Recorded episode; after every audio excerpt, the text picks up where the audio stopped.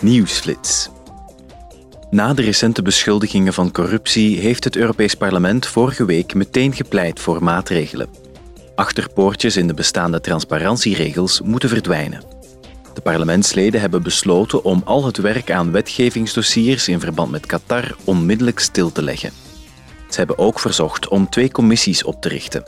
Een onderzoekscommissie om gevallen van corruptie onder invloed van derde landen te onderzoeken en een bijzondere transparantiecommissie. Het parlement heeft er verder toe opgeroepen om in de hele EU een verbod in te voeren op schenkingen van derde landen aan parlementsleden en politieke partijen.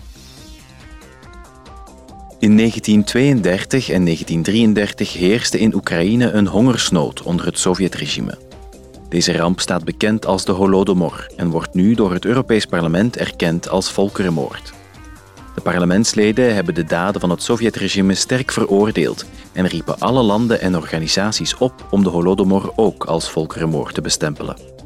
De hongersnood leidde tot het overlijden van miljoenen Oekraïners.